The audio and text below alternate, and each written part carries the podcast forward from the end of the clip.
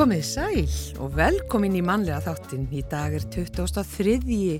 janúar og við byrjum dálítið með brós og vör. Ég sé bara gaman að vera komin aftur. Já, gaman að fá þig. Í þáttin já og takk Melkorka eh, fyrir hérna, þína innkomu í mannlega þáttin og þetta var leikar skemmtileg kynning. Já. Fólk bara kannski bjóst við að heyra í Gunnari Helgarsinni en hér er stuð, Gunnar Hansson minn. Já, þetta er ekki fyrsta skipti. Nei. Sem er, er að segja, nöfnum okkar hefur verið rugglað saman. Já. Og ekki síðasta. Nei, nei líklega ekki. Nei, nei. Uh, við byrjum á því uh, að rifja upp hvað við gesta á þessum degi. 23. janúar, uh, til dæmis árið 1719. Fyrsta dæmið Lichtenstein var til. Já, og svo var það Jón Fossetti, fyrsti tógarinn sem var smíðaði fyrir Íslendinga. Hann kom til Íslands á þessum degi 1907. Svo er það auðvitað fréttin sem allir er að rifja upp í dag Já. að á þessum degi árið 1973 fyrir 50 árum réttum þá hófst eldgós á heimaði. Já, og uh, við höfum nú heyrt að hér uh, á þessari rás, rás eitt, það uh, morgunútarpið kom viða við í sinnu umfjöllun og hér á eftir í ímsum þáttum, Já, eftir hádegi þá, þá hérna, verður byrjaði meiri sér klukkan fjögur í nótt. Akkurat, Já, þá var þessi þáttur, það gís í eigum og hann verður aftur fluttu klukkan tvö í dag, Já. rúmlega tvö. einmitt, endilega, endilega hlustið og við ætlum svona, já, í rauninni ekki að fjalla neitt um gósið í heimaði, bara svo þið vitið það en við kannski, ekkert kannski, við ætlum bara að spila vestmannesk lög, getur við sagt. Eija tónlist. Já, eftir Otger Kristjánsson, Já, en e, yfir í efni þáttanins í dag. já. E, margir Íslendingar fara til Tenerife á hverju ári og þó að þeir fari á hverju ári og sumir kannski þeirra láti sér dreyma um að búa þar allan á sinns ring, þá er nú kannski fæsti sem láta verða af því. En e, ég hitti hjón út á Tenerife að því ég var þar í fríi. Þau heita Anna Byrna Sæmundsdóttir og Brynjólfur Gunnarsson. Reynda hitti nú bara hana önnu Byrnu en þau hjónin letust lag standa og fluttu út árið 2019.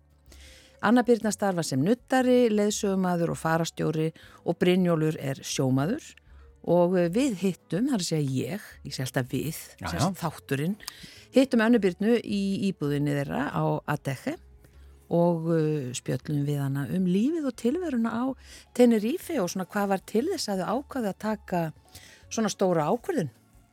Já, svo fáum við vinkil frá Guðjana Helga Ólafsinn í dag eins og aðra mánudaga í vetur. Í dag ber Guðjón vinkilinn að snjómokstri, kurteisi og hláku. Við við kannumst við það núna eftir síðustu vikur. Já, Svo er að lesandi vikunar. Í þetta sinn er það Björg Átnadóttir, rithöfundur, rithlistakennari og framkvæmdastjóri Stílvopsins og við ætlum að fá að vita hvaða bækur hún hefur verið að lesa undanfarið og hvaða bækur og höfundar hafa haft mest áhrif á hann í gegnum tíðina. en við byrjum á K.K. og Magnúsi Eiríksinni, hér syngjaði lag eftir Otger Kristjánsson, uh, áður nefndan og uh, tekstan gera árni úr eigum, blítt og létt.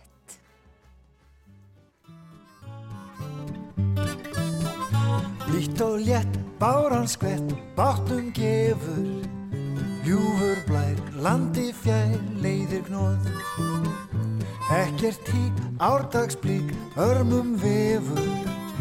Hlýð og grund, haf og sund, hvíta voð.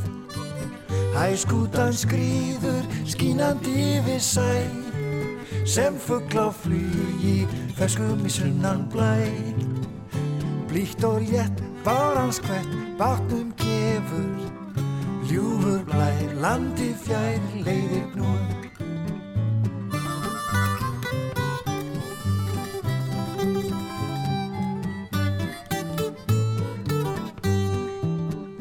Ekkert hík, árdagsblík, örmum vefur.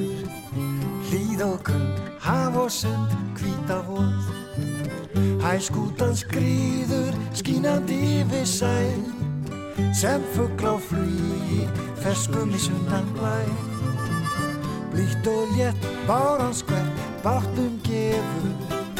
Ljúfur blær, landi fjær, leiði gnóð. Ljúfur blær, landi fjær, leiði gnóð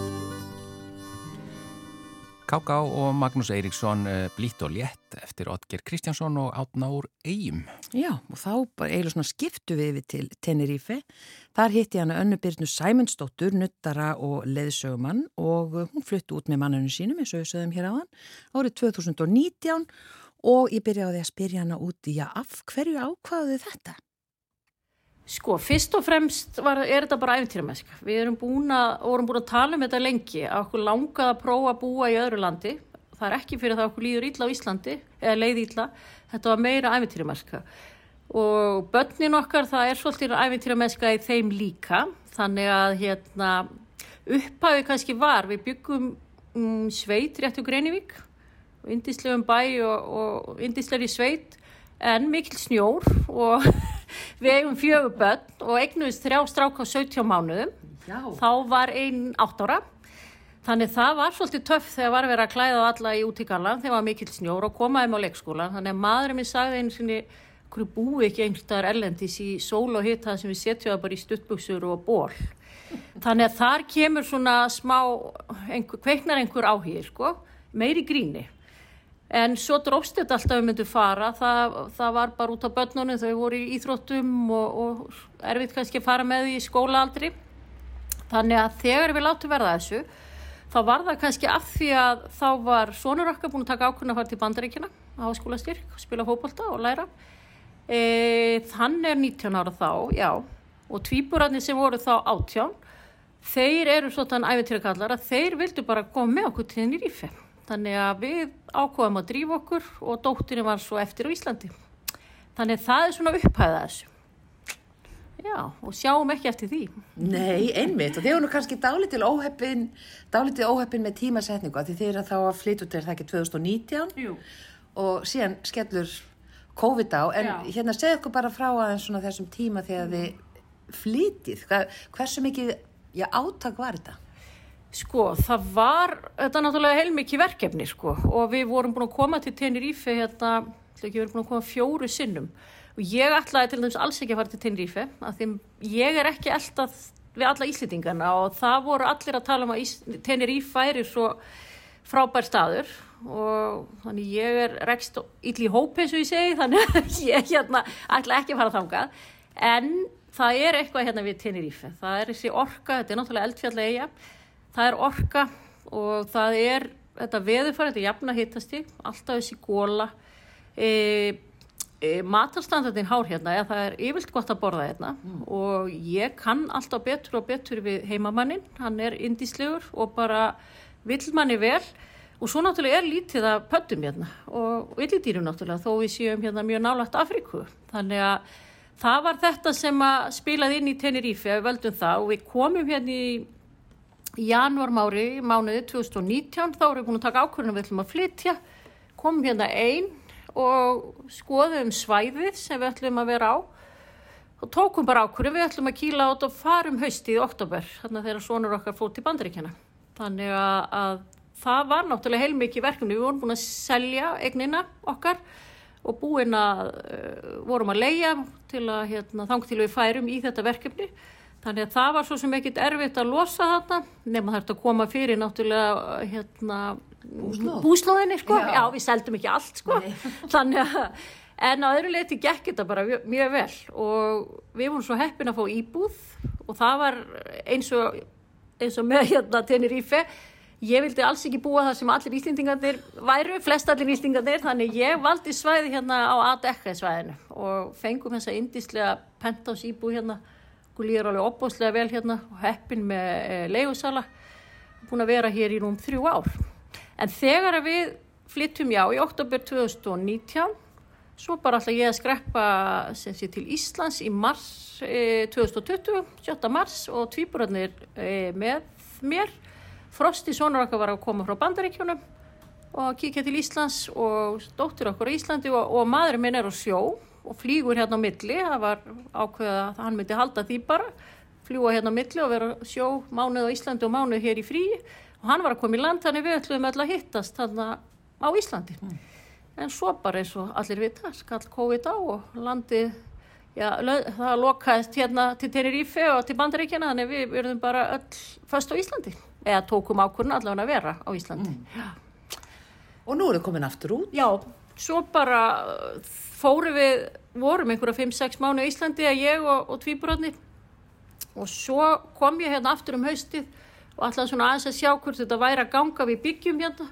Og ég fann það bara strax að ég var ekki tíma að fara aftur tilbaka og hérna þannig að, já, þannig að það er búið að ganga bara mjög vel, gengur vel að fyrir manni minn að fara á milli og bara indislegt, hann kemur hér í fríum og fer svo bara í kuldan á, á hérna, Ísland að vinna Já, já, það bara indislegt Þannig að þetta er mánuður uh, sem hann er á sjó og Já. svo kemur hann hingað í mánuð. Já. Já. En ég, eins og ég segi, ég allavega við ákveðum, er ekki búin að ákveða neitt. Okkur líður vel hérna og st- svo stutt að fara til Íslands, þetta er ekki nema 5-6 tímar, sko. Hvað þetta er bara eins og að keira frá Akkur til Reykjavíkur, það er ekki nema, hvað, 5 tímar, þannig að þetta er svipa bara. Þannig að við horfum á þetta svona og bara líður virkilega vel hérna. Já. Og sakna ekki sveitarinnar í Grenivík.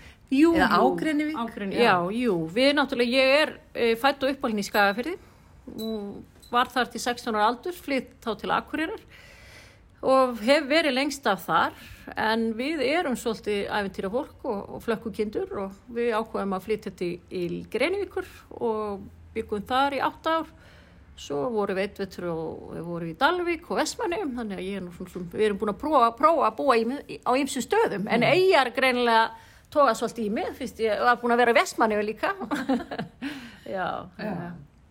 Og þú ert núna að vinna áferðaskristofu sem ég leiðsögum aður fyrir, er þetta ekki aðalega Íslandingar eða einungis? Jú, þetta ég, þegar ég flytt hérna út þá var ekkert plan hjá mér að, að sem sé, hvað ég ætla að gera. Ég er sem sé mentaða nuttari og enga að vera jókakennari, búin að nutta yfir 30 ár og ég finnst það indislegt og fæ aldrei leiða því nema hvað að ég er svolítið hérna duglega að koma mér í mís verkefni og líka svona sjálfbáðastörf, þannig að ég var í mörg ár í stjórn hjá Káa og í sjálfbáðastörfum þar sem var indislegt en ég ástundum erfitt með að segja nei þannig að ég hérna var bara að vinna allt og mikið og hérna það var svona, mér langaði bara að kúpla mig aðeins út og hérna fólk hafði ekki trúa því að ég myndi ná að slaka mikið á eða gera ekki neitt þannig að, að það voru nú sumi sem gerðu vel, veðmál með það Já.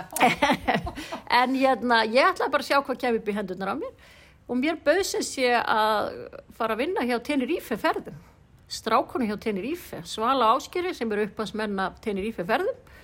Og hugmyndin er að ég verði þar með svona sérferðir, konuferðir, jókaferðir, e, hjónaferðir. Það er margt, margt í bígerð en á meðan geng ég náttúrulega bara í öll verk og, og er í öllum ferðum. Ég finnst náttúrulega rosalega gaman að vera í hérna gönguferðum. Ég hef mikil, miklu þörf fyrir að reyfa mig þannig en annars ég veist æðislegar allar ferðirnar og bara gaman að vera innan í fólk og, og kynast fólki. Það er bara indislegt Og hafa margir, uh, já, svona eins og ég, spurti, já, út í þetta, að þið fluttu hingað og hvernig það hefur gengið, finnur að það eru margir kannski í þessum hugleðingum? Já, það eru mjög margir í þessum huglengum og margir að pæla sko að gera þetta en kannski bara hafa ekki kjark í það eða þor. Og þetta, ég segi við alla og það er einmitt aðeins sem eru búin að taka skarið bæði eftir að ég og maðurinn minn höfum sagt við fólk, fólk kemur til manns hérna og segir bara og ég dáist að ykkur og bara að þið skuli gera þetta. Og, og ég segi það þýðir ekki að tala alltaf um þetta, það er fyrst og fremst að taka ákvörðun. Og þegar þú tekur ákvörðuna þá kemur eitthvað upp í hendurnar á þig, það er bara þannig. En auðvitað þarft að hafa eitthvað bakland sko eins og þegar ég fór hérna út og ég hafði maðurinn minn var náttúrulega fyrirvinna þá Já. hafði baklandið sko. Þannig að hérna og auðvitað sumir er ekki tilbúinir að skilja börnin eftir þannig að þetta er allur gangur ás og, og það er stundum ekki döðult að flytja með börn, ung börn sko. Þannig að það er samt betra þegar þau eru yngri heldur en þau eru koðin á úlingsári maður finnur það líka á Já, fólki hérna. Já. þannig að já. Og svo er bara þetta að ákveða ekki bara einhverja mánu að vera ár eða tvö ár og, og kynnast lífinu hérna sko Það er sagt að það taki tvö ár, er það rétt? Já, það er það. Ég finn til dæmis núna, þetta ár sem ég er að byrja núna, það leggst einstaklega vel í mig. Ég einhvern veginn, hvað sem það er, ég hérna, kannski maður er fann að reyðra betur um sig hérna og við erum trygg með þessa íbúð að við tókum ákvörðunum að ekki að vesla strax hérna að við vitum ekki alveg hvar við viljum staðsetja ykkur á eiginni. Nei. Kynnast eiginu betur, af því hún er alveg mögnuð. Það er svo hérna, er svo markbreytileg þessi magnað eiga, þó hún sé nú ekki stór. Rúmir, hvað, 2000 kilometrar, já. Já, það er merkilegt hvað samt búa margir hérna, Já. með hvað hún er lítil. Já, það eru hvað 980-90 manns hérna. Þannig að á ekki stærra svæði en, og allur þessi fjö- ferðamaður sem er að koma hérna, sko. Og sem betur fyrir er að færast í aukina fólk er að prófa að vera norðamegin líka á eiginni. Það var náttúrulega allur ferðamaðurinn var hér áður fyrir norðamegin, svo byggðið þetta upp hérna sunnanmegin um 1980 en nú finn ég að fólk er að, að fa- fara svolítið norður líka sem er bara gaman að heyra. Af því þetta er bara þessi eiga er eins og, eins og tvær eigur, það er svo ólíkt. Þetta skiptist bara í tvent sko. Já. norðamegin allt í blóma og gróðri og miklu meiri raki, kaldara en hérna sunnumegin svona meiri svona mm, þurr gróður eða, já, og allt þurrara sko þannig að þetta er svona ólíkt sko mjög Uh, svona, þið daglega líf hér, svona hvernig er það? Er, er gott verðlag og hvað er svona, hvernig gengur það fyrir sig, þið daglega líf á Tenerife? Já, það er, það er ódýrar að lifa hérna. Það er náttúrulega staðrendin. En það er mjög, það getur verið dýrt ef maður gerir það þannig sko. Eins og núna, nú erum við fann að finna það, hefur aðeins hækkað allt núna, við finnum það bara. Og, og það gerist rætt sko. Og við til dæmis eru bara meðvitið búin að taka ákvörðun um að, að vera ekki alltaf að fara út að borða, heldur að elda heima og þetta er svolítið fyrst þegar maður kemur hérna þá er þetta svona nýja brum á þessu og maður fór mikið út að borða og hittir mikið fólk og svo læja við alltaf að þessi maðurinn menn hann er, kemur hérna mánuð og þá er hann í fríi. Hérna en ég bý hérna allt árið sko. Þannig að ég er búin að stríða hann alltaf að hann sé bara í viku fríi svo sé fríi að spúi hérna. Af því eins og ég segi það er það maður getur ekki lifa hérna eins og maður sé í fríi sko. og fólk sem kemur hérna ápínu erfitt með að skilja þetta það kemur hérna í kannski hálfamánu sem er indislegt og þá er maður bara í fríi og að slaka á og leifa sér allt og hérna en við náttúrulega búum hérna þannig að þá þarf maður að fara að lifa örvísi Já. maður er bara sínu daglegir í rútinu fer í ræktina, fer út að labba og já, þannig að maður kannski velur sér að fara þá út að borða einu sín í viku eða eitthvað svoleiðis og, og hérna leifa sér eitthvað sko, það er bara þannig. Já, en að vesla hérna í matinn það er bara, það er ódýrara sko, það er bara þannig sko og hérna finnum mikið mun á því en það er hækkun á öllu hérna húsalegu verði á húsum og, og matröðu bensíni, það er alltaf hækka hérna líka sko Já. Þannig að það er sama hver maður kemur, hvað það varðar. Já, það er það. Þú sér það, eða þið sjáu það ef að, sko, fyrir heimamannin sem er með launin hér, þá er þetta ekki, þetta er ekki hérna auðvelt líf, sko, hann á endur saman. Launin sem þeir eru með hérna kannar í búarnir, sko. Já. Það er nú bara þannig. Og mikil vinna. En fyrir fólk eins og okkur sem eru með laun frá Íslandi, þá er þetta náttúrulega aðeins léttara, sko. Það er það. Það er bara þannig. Og vinna ekki flestir hérna við þessi þjónustustörf í kringum ferðamannin? Jú, að gera það. Það eru barinnir og veitingastæðinir og hótelin og allt það. Og flest allir sem að vinna hérna sunnan megin, þeir búa norðan megin og keiri vinnu daglega. Það er bara þannig, já. Því norðan megin er húsnæði ódýrara og það er ódýrara að lifa þar og þegar maður fer norður í borg, Santa Cruz, það kom mér svolítið óvart og fór nýr í bæinn þar, fekk sér að borða eða að drekka. Það er bara miklu ódýrara sem að ég var svo hissa á að þetta er borgin, þetta er höfuborgin sko. en, en það er bara allt örvísi og dýrara, að. Og það er bara klukkutími þangað Já, í keislu. það er klukktími keislu svona, já, rétt innan við fyrir svona heimamannin ertu kannski í 45 mínútu kannski, þeir eru náttúrulega vanir að keira hérna á milli, sko, þannig að ég veist að það sé nú, þeir sé nú fljótar oft, sko, og svo náttúrulega búa er ekki akkurat í Santa Cruz, þeir eru hann í hérna Portela Cruz og, og La Laguna og þeim slóðum norðan megin, sko, þannig að það stýttra náttúrulega. Já. Já. Og það er þjórfið, þú þarfst að greiða þjórfið. Já, það er engin skilda, það er hefð fyrir því.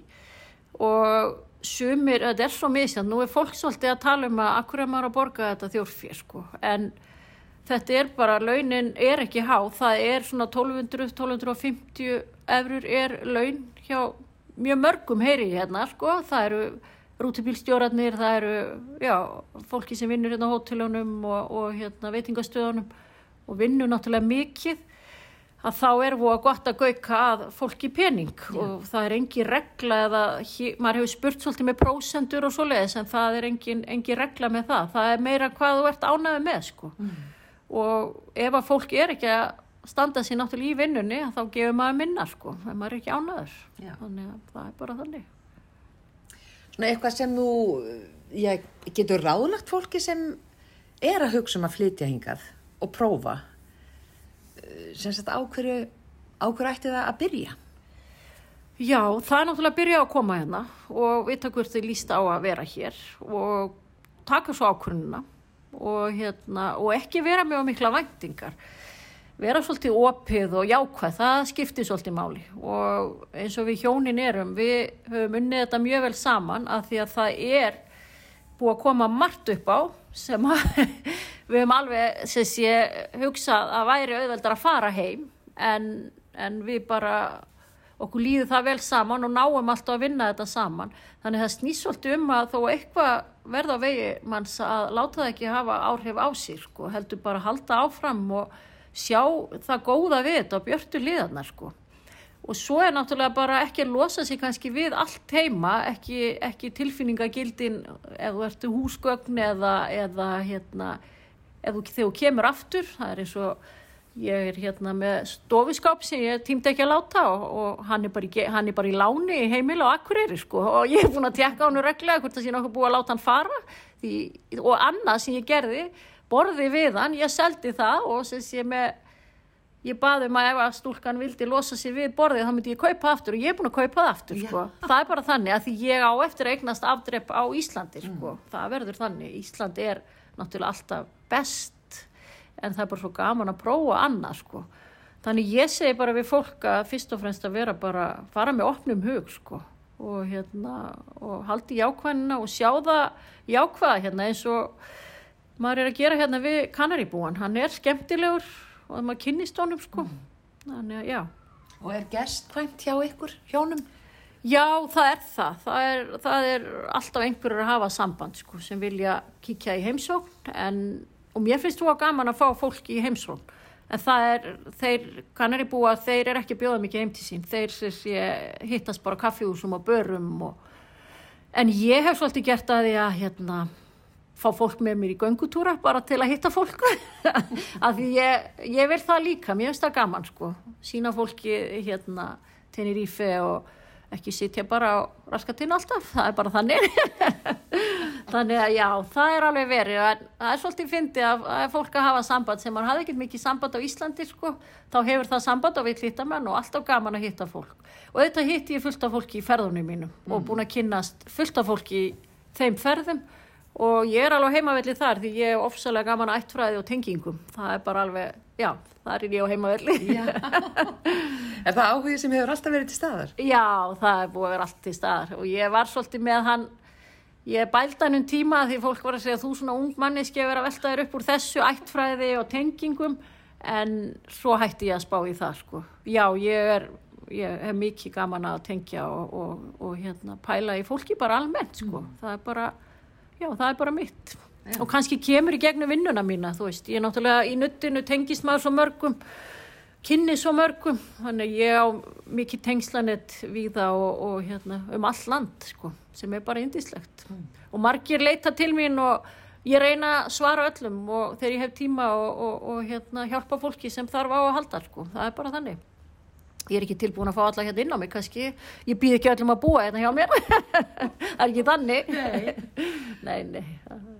En greinlega rétt manneskja á réttum stað, segi ég og í rétta starfinu af því þetta verðist líka mjög vel fyrir þér. Og ég ætla bara að enda á því að, að hérna að það er ekki hægt að lýsa einhvern veginn umhverfinu hér af því þetta er svo það er svo fallega svalinnar hjá þér og það er svo fallegt að horfa hér út á sjóin og sólin að vil helst ekki verið að gera hlustendum það heima að vera að lýsa þessu ómikið að því fólk bara, já. já en takk fyrir spjallið, Anna Byrna Sæminsdóttir og, já, hvað ég segja, nuttari og hvernig viltu teitla þið? Já, ég, já, ég nuttari, já það er nú svona mitt allstarf en ég hef bara hef alltaf haft mikinn áhuga á heilsu bara og líðan fólks, að fólk láti sér líða vel og hérna og eins og ég segi bara finnst bara indislegt að fá að njóta þess að vera hérna á Tenerife í sól og hitta og hérna heppin með einmitt svalinnar eins og þú segir Já. að geta að flappa hérna út á mótnana og, og hérna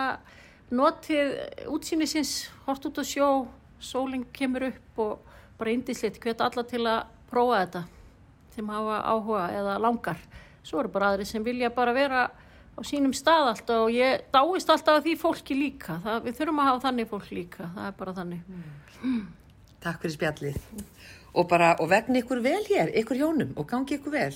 já, takk fyrir það Guðrún. indislegt að fá því í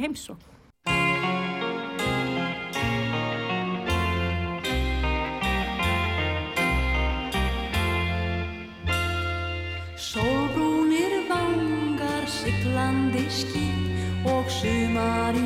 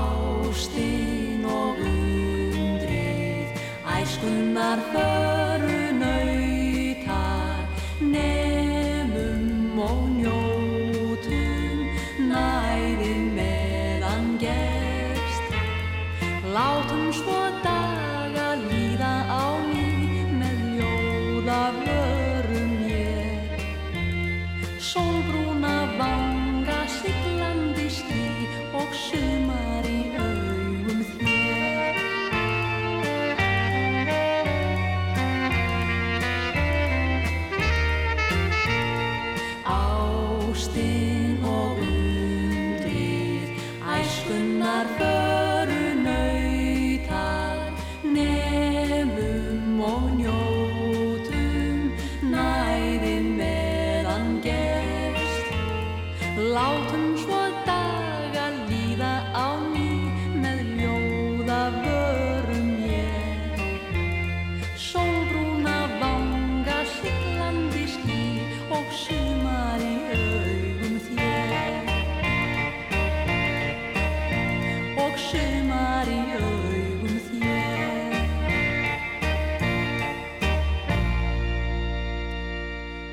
Sextett Ólaf Skauks, Svanhildur Söng, Sólbrúnir Vangar, hlæð eftir Otger Kristjánsson og textin eftir Ása í bæ.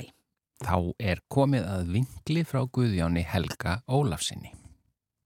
Ágætu hlustendur, nú er vetrartíð á ísaköldu landi og ekki örgrandum að sumstaðar þurfi að færa til snjó, svo að tannhjól mannlegrar tilveru geti snúist óhindrað. Snjór er bara vatn sem á eftir að bráðuna, þannig að við getum mögulega afstýrt óhöppum með því að flytja hann svo litið til áður en það gerist. Til dæmis frá niðurföllum við hús og í gatnakerfi, kjallaratröppum og af hústökum þar sem því er við komið. Auk þess eru nú bifreiðar flestra, en alls ekki allra, óhendugar til aksturs á snjó. Í pisli dagsins verða nefnd til sögunar nokkur tæknihugtök sem hjálpa okkur til að skilgreina ófærð og mögulega verður reynd að hrútskýra einhver þeirra með einföldum hætti og kannski hefnast það en kannski ekki og það gerir þá ekkert til. Margir eru þannig innréttaðir að vilja hafa svo lítinn snjó í byggðum jólin en svo má hann fara. Nefn á Akureyri en þanga vilja margir fara í skíðaferðir þegar börnin eiga frí í skólanum. Þar á að vera snjór. Þar á líka að vera gott veður en nægilega kallt til að Instagram-selfíin síni rauðar kinnar og svo litla doppu af þeittum rjóma á neppanum. En það algjörlega ómissandi að fá sér heitt súkulaði með rjóma í skíðaferðum. Þá er allt gott og lífið þess virði að lifa og njóta og akureyri er glemd. Þangað til mannskapnum þóknast að fara þangað aftur. Nema hjá okkur sem eigum þar vini og frændfólk. Við hugsun nú hlýlega þangað við hvert tækifæri. En til að það geti nú allt gengið eftir þarf hermanns á sérútbúnum tækjum að sinna snjómokstri. Í fyrsta lagi þarf að móka frá heimilum fólks og það er götur sem leiðir það út á þjóðvegina. Yfirleitt eru starfsmenn viðkomandi sveitarfjarlaga eða verktakar á þeirra vegum fengnir í það, en í einhverjum tilfellum eru þó innanbæjargötur hluti af umröðasvæði vegagerðarinnar og hún sér líka um að láta móka þjóðvegi. Við heyrum eða lesum fréttir í fjölmiðlum um færð á vegum og gerum okkar ráðstafanir varðandi ferðalög með þær til hliðsjónar. En ég held að það sé ekki vittlust að fara aðeins yfir þau hugtök sem að vegagerðin notar til útskýringar á færð og eftirfarandi ofskýringar má greiðlega finna á heimasíðu þeirra. Í fyrsta lagi greiðfært, vegurinn er mertur græn. Snjó og íslaust yfirborð eða þegar að minnstakosti annað hjólfar er aukt á hverri akrein og snjór eða ís á öðrum hlutum vegarins er það lítill að vegfarendum stafar ekki hætta af. Greiðfært yfirborð flokkast í eftirfarandi. Þurrt yfirborð akbrautar er þurrt og snjó og íslaust. Rakt yfirborð akbrautar er dögt af raka en íslaust. Að öllu jöfnu þornar vegurinn fljótlega eftir að rigningu líkur eða eftir söldun. Ekki úðast undan hjólum aukutækis. Blöytt vatn sapnast í podla á vegefirborði og vatn úðast undan hjólum aukutækis þó ekki rigni. Mjög blöytt. Yfirborð akbrautar er mjög blöytt og lækir eða podlar myndast í hjólförum og lægðum í vegefirborði og veruleg hætta er á að aukutæki innan gesalappa fljóti á veginum þegar ekið er greitt. Hálkublettir. Vegurinn er mertur gulur. Veg yfir borð hulið ís eða þjöppuðum snjó á alltaf 20% af lengd vegarkaplans. Hált. Vegurinn er mertur ljósblár. Veg yfir borð hulið þurrum ís eða snjó á meira en 20% af lengd vegarkaplans. Viðnámstöðull lægri en 0,25. Flughált. Vegurinn er mertur dökkblár. Ísing, innan svega glæra, eða veg yfir borð hulið blöytum ís eða blöytum þjöppuðum snjó á meira en 20% af lengd vegarkaplans. Viðnámstöðull lægri en 0,15. Krab eða snjóþekja. Vegurinn er mertur kvítur. Krab, veg yfir borð þakið af vatsmettuðum snjó með þygt alltaf 10 cm. Snjóþekja, veg yfir borð þakið að hluta eða öllu leiti með alltaf 10 cm lausum eða lítið þjöppuðum snjó. Þæfingur, vegurinn er mertur bleikur. Veg yfir borð þakið að hluta eða öllu leiti með 10 til 20 cm lausum eða lítið þjöppuðum snjó og eða stökum minniháttarsköplum og færð þannig að ekki telst örugt færi nema fyrir velbúnar fólksbyrjaðar með drif á öllum hjólum. Þungfært. Vegurinn er mertur svartur. Veg yfir borð þakið af snjó með þygt meiri en 20 cm og eða stökum sköplum og færð þannig að ekki telst örugt færi nema fyrir jeppa og stærri aukutæki. Ófært. Vegurinn er mertur rauður. Snjóþingsli það mikil að ekki telst fært fyrir almenn aukutæki. Jeppaslóð. Veg yfirborð þakið af snjó með þygt meiri en 30 cm og eða stærri stökum sköplum og færð þannig að ekki telst örugt færi nema fyrir vel búna jeppa og þar sem ekið er að hluta í slóðum eða á rauðningum. Annað, vegur er ófær af öðrum ástæðum eins og til dæmis skriðuföllum, vatnsflóðum og þessáttar. Nú, fjöldi manns hefur atvinna af því að móka snjó og því miður er það svo að það góða fólk neyðir stundum til að standa í því á nóttunni á meðan aðrir sofa. Margir snjómoksturs aðilar eittu nýliðnum aðfangadegi um borði vinnuvélum og hófu störfað nýju aðfaranótt jóladags. Þetta fólk á fjölskyldur heima, maka, börn, barnabörn og foreldra sem væru án efa frekar til í að sleppa jólasnjónum. Ég þakka þessu góða fólki fyrir sín störf og fórnfísi okkar þáu hinna sem að treystum á að vegasangöngur séu í lagi. Og við Íslendingar erum ekki endilega á leiðinni í jólabóð eða út í sjóppu að kaupa kamelsíkarettur og hálstöflur þegar við höldum út á veginna á frítagum í kringum jól og áramót. Nei, fjöldi manns vinnur vaktavinnur og þarf að komast á milli. Til dæmis heilbriður starfsfólk, bændur, starfsfólk orkugeirans og svo fjöldamargir aðrir sem óhætt væri að tellja upp líka. Hér á heimilinu býr einn hjúgrunarforstjóri sem telur ekki eftir sér að taka vaktir félaga sinna þegar allt er komið í þrótt og líka afleysingastarfsmaður í ummönnun aldrara sem þarf að róa þegar að gefur eins og sagt er. Við þessi síðar nefnda fórum í svo litinn ævintýratúr snemma morgni aðfangadags til að koma inn í vinnuna. Heimasíða vegagerðarinnar gaf það til kynna að við kæmumst kannski heiman frá okkur í flóanum og til hveragerðis með því að aka niður bæjarhepsveg nr. 33 til Stokkseirar og taka strauið yfir Óseirarbrú yfir í Ölfus og þannig á áfangastað. En okkar venjulega leið upp á Selfoss og vestur þaðan var mert ófær. Hér á heimilinu er til gamall villisjeppi á stórum dekkjum og með ágætum síðari tíma viðbættum búnaði en forn fálegur að upplægi. Við lögðum vel tímanlega á stað í verulegri ófær og slæmu skegni fórum frekar hægt yfir en þó með nokkrum ingjöfum þar sem höft voru í vegi. Við vorum ekki komin langt þegar að önnur rúðuþurkan brotnaði af arminum og kvarf út í veðrið.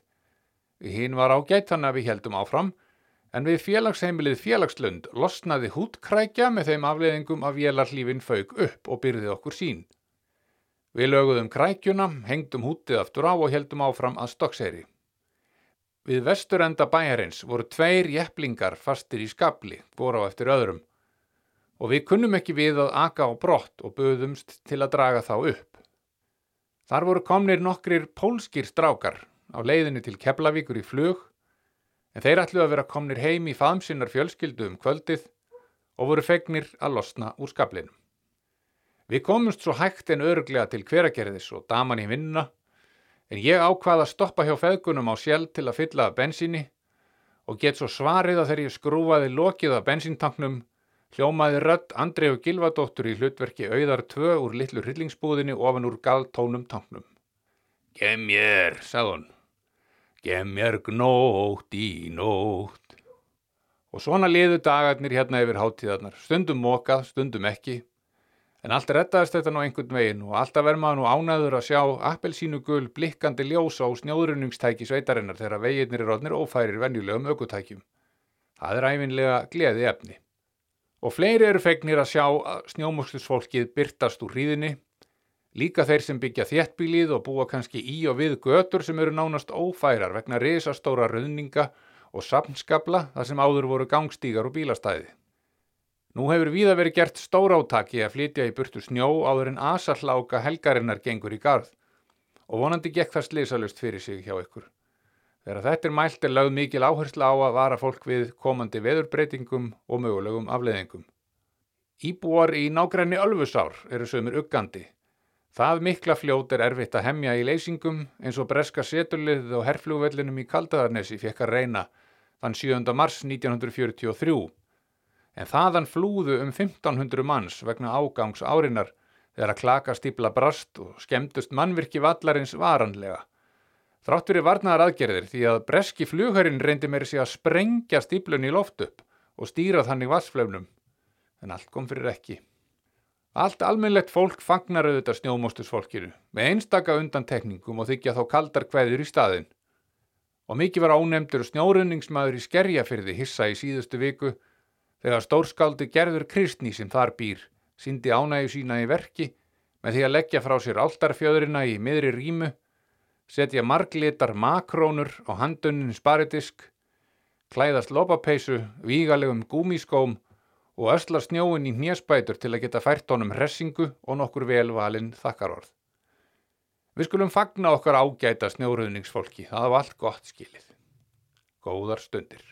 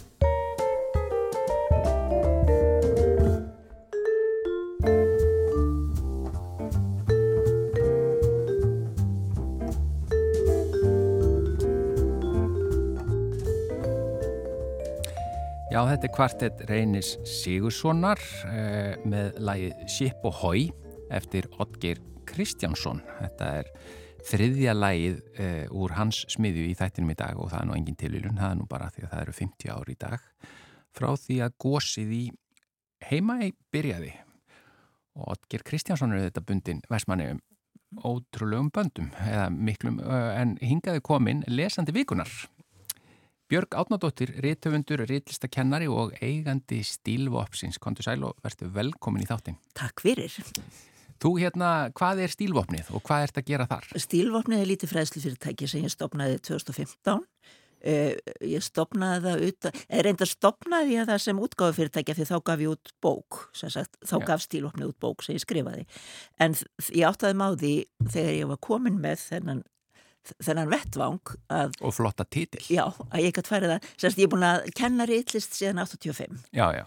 en þá gæti ég farið, farið bara í stór útgerð á eigin vegum í, í reytlistakenslu sem ég hef gert síðan 2015 Og hva, hvaða hópur leitar til þín? Eins og bara, er það bara á öllum aldri? Já, það, ég var að ljúka námskeið í gær og þá, þar var fólk frá 30 upp í 70 en oft er sko 50 ára aldursbill Já, já, já. Og þetta er í rauninni allur almenningur. Já. Uh, en svo koma líka höfundar inn á milli, útgefnir höfundar. Ég sem koma á námskeið. Já. Já, já, já. Og hvað hérna, er, það, er þetta þannig að við Íslendingar það ganga allir með sögu eða bók í, í maganum? Já, eða sko, ég þóru svo sem ekki að fullera það, en Nei, það langar margir. mjög marga að skrifa, já. ekkit endilega að gefa út, en að skrifa. Já og það er ótrúlega margir að því ja. og svo bara kemst maður að því á svona náskeiði að það, það býr svo mikið í fólki og, og blundar svo mikið með því. Já, kemur fólki á óvart þegar kemur á svona námskeið eh, hvaða kannski þarf eh, að segja hvaða er jafnvel með einhver fullmótað í, í, í kollinu með í maganum? Já, fólki kemur á óvart hvaða getur. Já af því að Einmitt. þetta er nú þannig sko að maður hendir fólki svolítið út í djúpulögina mm -hmm. og það á ekki að koma með eigin verk, það, það verður allt til á náskeiðinu, þannig að ég, ég kveiki í fólki já, það og, og það er allir að gera það sama. Já, sagt, e, ekki það sama en samkvæmt sömu fyrirmælum. En allir náttúrulega leita inn í sig að efninum og, og það, já, það kemur fólki verulega óvart hversu mikið býr þarna inni og hversu auðvelt þetta er í rauninni þegar maður er bara settur í þessar aðstæður. En þá eru þetta kemur ekkit að óvart þú í þessu starfi að, að þú lesi mikið sjálf.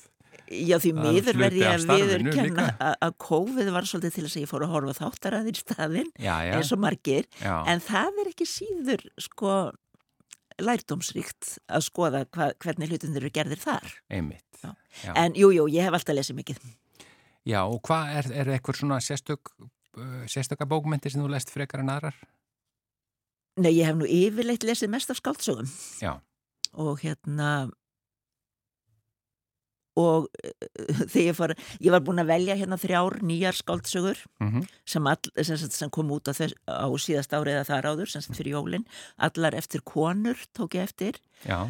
Og, og svo ekki ær, þá bara hoppa út á bókahillunni þessi bók hérna, þú sér hún að gömul. Já, við byrjum bara í mitt, vindum okkur í það. Vindum okkur í þessa bók sem heitir Dádýrið eftir Já. Mögdu Sabó og hún heitir sérst Rójúret á sænsku ég lesa hún á sænsku. Eh, hún var gefin út 1959 í Hungfærlandi en 67 í Svíþjóð Já. og ég man að ég fekk hana 1988 gjöf og það man ég að því að ég var að koma frá Ungverjalandi þá og ég hafði búið eða verið dvalið í Debrecen þar sem að þessi bók gerist. Já. Þannig að þess vegna tók ég hana svo til mín. Hvenar er hún skrifuð? Eða hvenar uh, gerist sagan? Hún, hún gerist bara þannig, hún gerist um miðbygg síðustu aldar. Já.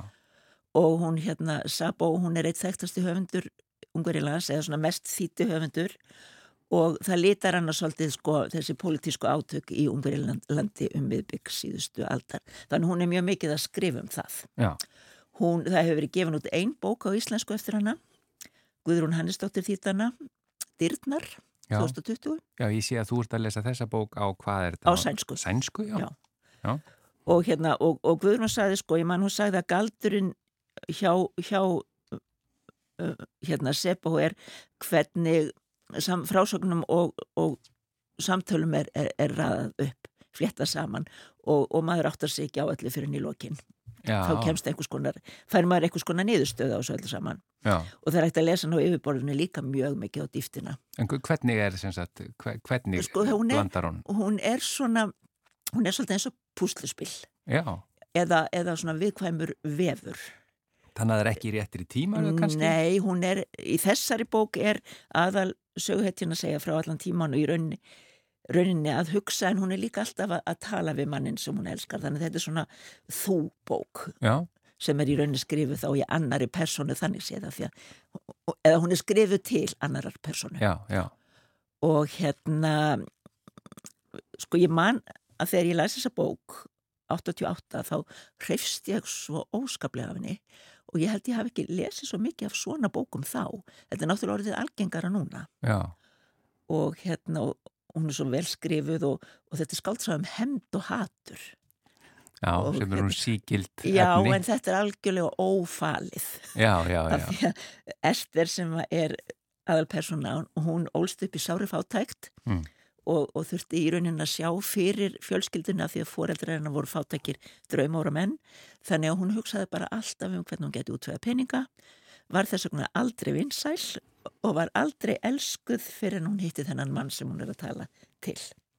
Dádýrið eftir mögdu Sabo. Já, já. Hvaða bók ertu með aðra hérna? Heyrðu, svo tók ég hérna, því að mér fannst þessi bók, Dingjan, mm? eftir Sigrúnu Pálstóttur, sem kom út fyrir jólinni fyrra, mér fannst hún líka vera svona fallegur vefur, þar sem að maður áttar sig ekki fyrir en undir lokina á hvað er að gerast. Já. Þetta er dásamli bók, hún er bæði hún er svo fyndin og hún er svo djúb og segir svo margt hva, hva, Um hvað er hún? Sko hún fjallar um, um unga stúrku sem að elst um, einmitt um miðbygg síðustu aldar upp við rætur óta, eða jaðar ótaðurhauns e, dreymir af ákveðinu ástæðu um að verða flugmaður. E, og verður það eftir að hafa unnið ákveðið afreg en sagt, hún læriði en hún fekk aldrei að vinna nema sem flugfræja þanga til að hún kaupir bara flugfélagið. Já, já, já. Og sagan endar á tunglinu já, já, já, já En samt er þetta mjög, sko, þetta er mikla raunsægi spókmentir samt sem áður Já, já, áhuga, þetta vekur allan áhuga á Þetta er mjög skemmtileg bók Þetta er Dingjan, þetta er Sigrúnu Pálsdóttur Já Þá, næsta bók? Já, þá hérna tók ég líka aðra bók sem kom út um jólinni fyrra. Mm. Merking eftir Fríðu Ísberg. Já. E, þetta þótt mér ákaflega merkileg bók. Já. E, hefur þú lesið hana? Ekki þessa bók, nei. nei. E, hún sko fjallar um, hún fjallar um þessa sjálfsmyndarpolítík sem er svo ábærandi í dag. Já, útskýra aðeins betur. Sjálfsmynd, bara við, við erum öll að, að koma út úr skápnum á hinnum ymsu sviðum. Já, og við erum að selja okkur einhverja ímynd af okkur. Já, við erum að hva? selja ímynd af okkur og ekkit endilega ímynd líka það sem við virkilega erum. Já, já, já, já. sem þetta, er kannski líka ímynd samt. Já, einmitt. Og þetta er sko, þetta er ofbóðslega nöðsynlegt já. og öll þessi mannréttinda pólitík líka. Já, já. En er kannski stundum svo litið á villigötum. Já. Af því að við Er þetta að menna þá á yfirborði eða? Já, við náttúrulega bara kannski skiljum ekki hvert annað nógu vel eða erum ekki nógu þroskuð til þess að geta uh, samþygt hversu ólík við erum þó að við séum það á yfirborðinu. Já. Og hérna, en, og, og bókin fjallar sérsagt um, um hérna samkendarprófið. Já. Að það er sérst í, í, í samfélaginu, þessu samfélagi sem að verður eftir nokkur ár, þetta er nokkur skonar utopía eða dystopía, það gæti samt verið í dag næstum því Já. að þá er hægt að, að fá, fara í gegnum prófa og ekki bara hægt, heldur er fólk eiginlega þarf eiginlega að, að fara í gegnum það til þess að geta sínt samfélaginu fram á að, að því sé treystandi í, í þessum efnum sem það hafi réttu skoðanindar Standist samkenda prófið Já, vá einmitt, já. Já, já, þetta er nú skilt einmitt já. Eh, mörgur sem er í gangi í dag já. En það sem ég finnst svo sko, heitlandi við frásagnarháttin er að það eru fjórar personur sem segja söguna og þær tala ólíkt tungumál svona sósiólegt eða svona félagsmáliskur félagslegar máliskur en hún nær að skrifa ekki bara tilvittnanir í personurnar með þessari sósiólegt heldur allan kaplan um personurnar Já sem þannig, er tölvist afreg finnst mér. Já, það er mismunandi bara já. Já, orðfæri og, og, og já, mjög áhugavert. Fríða Ísberg, Merking. Fríða Ísberg, já. Svo síðasta bókin. Heyrðu, ég hérna tók þá sem ég var bara klára að lesa í gær. Mm. Þetta rauða, það er Ástinn eftir Rögnu Sigurðardóttur sem að koma út núna fyrir jólinn Já, hún er ný. Hún er ný. Og, og hvað slags bóka þetta? Ástarsaga Já, hljó, eða margar ástarsögur. Margar ástars, ástarsögur sömu manneskunar á sama tíma. E, það, það er svo sem ekkert, ekkert frumlegt við viðfangsefnið. Ég menn mm -hmm. þetta eru ástarsögur og, og það er þarna já, ég ætla ekki að segja hvað það er en manneskja sem vill verða eða kona sem vill verða listamadur þarf að færa fórnir mm. til þess. Mm. En það sem að mér finnst svo fallegt við þessa bóku eins og allar bækur Rögnu, að því Ragnar er myndlistamæður líka, að það er myndlistin í bókunum. Þessi fjallar beinilins um myndlist og þegar ég las að ég sjálf sko myndlistaskóla gengin já, já. og var fjögur ári í MHI og vann svo aldrei við það en, en augum mín er alltaf myndlistaskóla gengin. Sko, ég, ég hef löggilt hann smekk. Þannig að þú, þú skilur Já, þetta, þetta sjónarhort En það sem ég er svo fallet er sko að þegar ég var búin að lesa þessa bók þá hugsaði ég var ég að lesa bók eða var ég að skoða síningu eða var ég kannski bara sjálfa mála mynd Áhugavert. Þetta var svo stert. Heyrðu en við, að því við höfum, við erum að brenna á tíma, hérna bara erstutt í lokin. Hvaða svona bók eða höfundur kemur upp í hugan sem hefur svona virkilega, sem situr í þér, Já. sem hefur haft sérstök áhrif á þig? Sko ég glemdi að hugsa um þessa spurningu, mm. en ég hitti frænda minn, minn hérna fyrir utan, hann hérna Jóhann Bjarnar Kolminsson. Já. Og, og við fórum að tala um af okkar, Bendit Gíslason frá Hoftegi, sem að skrifaði æfisögu Páls Ólafssonar. Og þá myndi ég að Pál Ólafsson er mér afskaplega kær. Já. og ljóðin hans er eitt af fallegasta sem ég veit. Já, það, Er það ekki hann sem að skrifaði meir og minna öll ljóðin til konuna sinnar? Jú, setni konu sinnar. Já, setni, já, já einmitt. já. já, það er ekkit skvítið ef hann hefur haft áhrifaði Erðu en þakka þér innilega fyrir að vera lesandi vikunar þetta sinn Björg Arnódóttir, rítuundur og rítlista og eigandi stílvopsins Þetta er bara loka, takk fyrir komuna. Takk fyrir. Og þetta var loka tal þáttarins í dag. Við verðum hér auðvitað aftur á sama tíma á morgun. Verðið sæl.